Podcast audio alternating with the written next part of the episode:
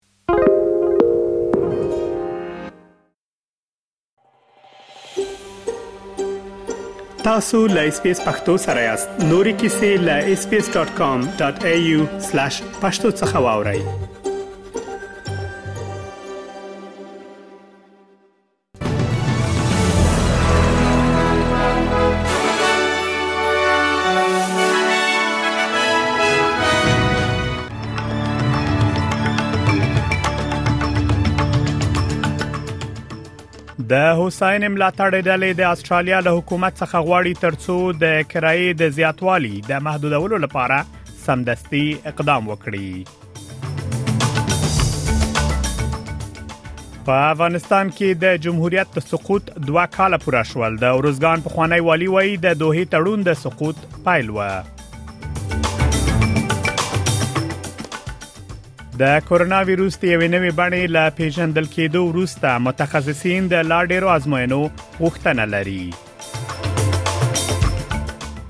او د امریکا د هوایی ایالت مشر وایي پر اتلونکو لس ورځو کې د تیر اونۍ د اورلګیدنو د قربانیانو شمیر به 2 یا 3 برابر زیات شي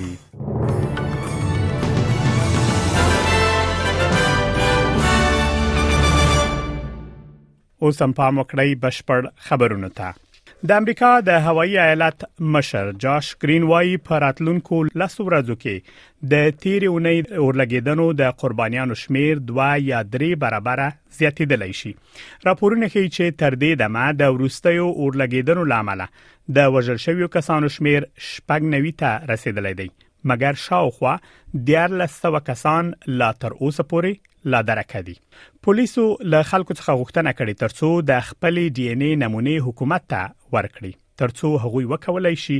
په مړ شویو جسدونو کې د دوستانو د دوی د دوستانو تشخیص وکړي خغلی ګرین د ماوی پولیس او همدارس د اوروژنې د برخې کارکونکو ستایلی دي او ویلي دي چې دوی هم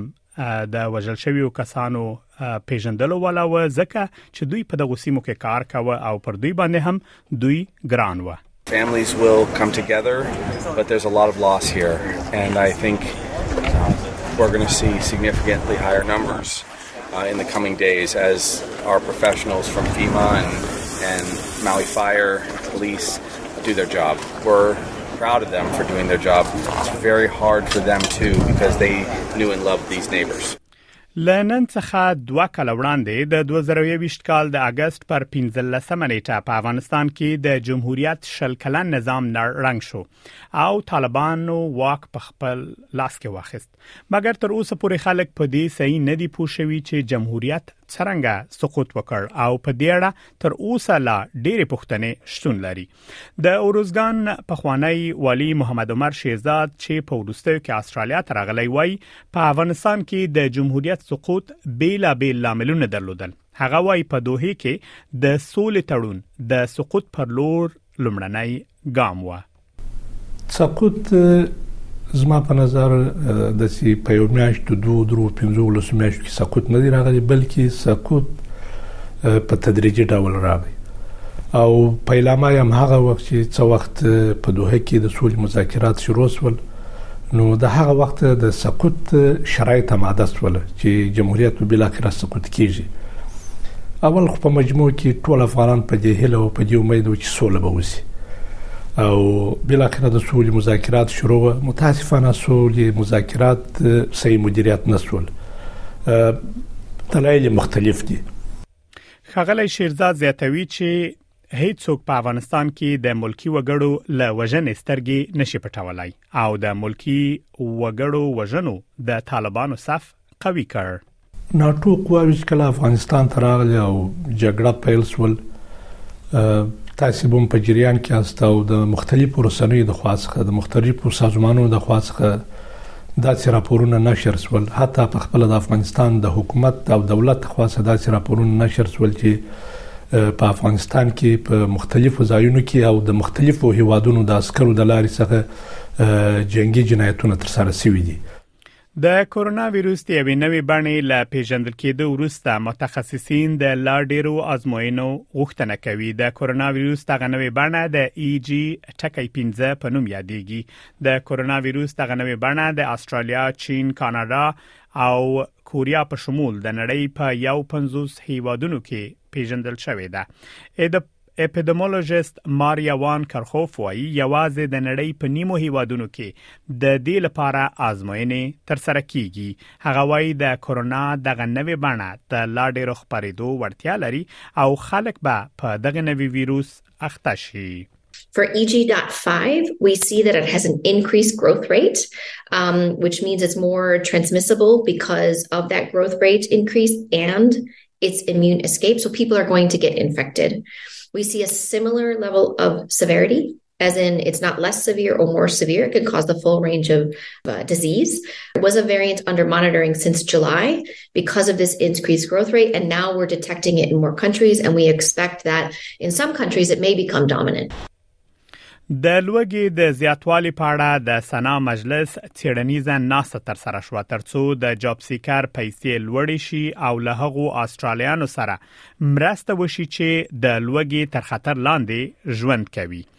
د لایف لاین له ادارې څخه کریس سیروکوس وای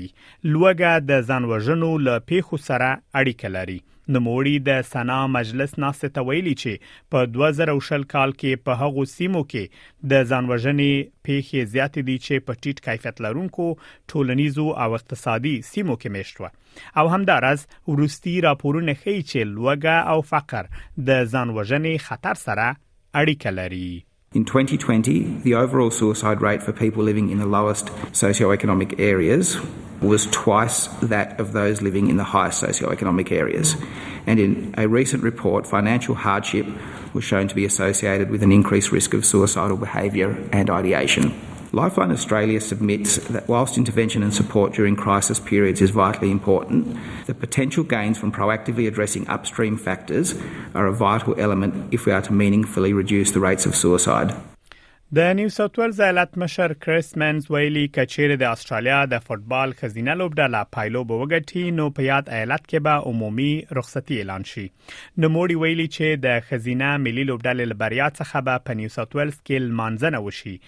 او خزینه لوبغاړو ته به فرصت برابر شي ترڅو د سیدنی له خلکو سره په ګډه ولمانځي د کوینزلند او وکټوريا ایالت مشرانو تر اوسه پورې څه نه دی ویلي خو وايي د چهار شنبه په ورځ چې د نیمه پایلوبې پایلې معلومې شي نو دوی به پریکړه ونیسي په همدې حال کې د استرالیا لمړی وزیر انټونی البنيزي وایي د عمومي رخصتۍ خبره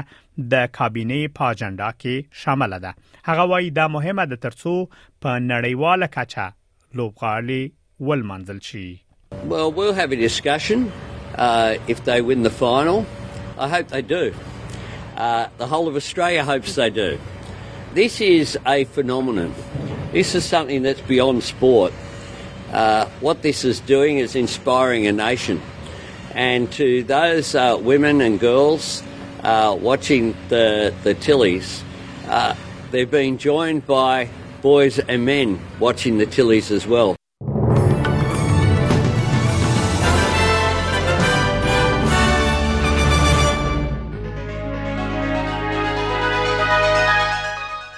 اوس هم پام وکړئ د هوا حالاتو ته په سیدنی کې نیمه ورځ د باران امکان هم شته د تودوخې لوړه درجه ولس په ملبون کې نیمه ورځ د تودوخې لوړه درجه دیارلس په برزبن کې هم نیمه ورځ د تودوخې لوړه درجه وویشت پرت ښار کې باران د تودوخې لوړه درجه 19 په اډلیډ کې ډیری لمر د تودوخې لوړه درجه ولس په داروین کې هم ډیری لمر د تودوخه لوړه درجه 3 دیش کانبرا کې وریز د تودوخه لوړه درجه 14 په نیوکاسل ښار کې هم د باران امکان شته د تودوخه لوړه درجه 13 او له استرالیا څخه بهر په کابل کې ډیره لمر د تودوخه لوړه درجه 11 او ټیټه 14 په پیښور کې هم ډیره لمر د تودوخه لوړه درجه 14 او ټیټه 14 دا هم د استرالی ډالر پر وړاندې د نورو اسعارو بیه د استرالیا یو ډالر 15 شپېته امریکایي سنټه یو استرالیي ډالر برابر دی له 950 یورو سنټه او یو 50 بریټانوي پنس سره د استرالیا یو ډالر 450 هندیو کلدارو او یو سلواتیا پاکستانیو کلدارو سره برابرېږي او د استرالیا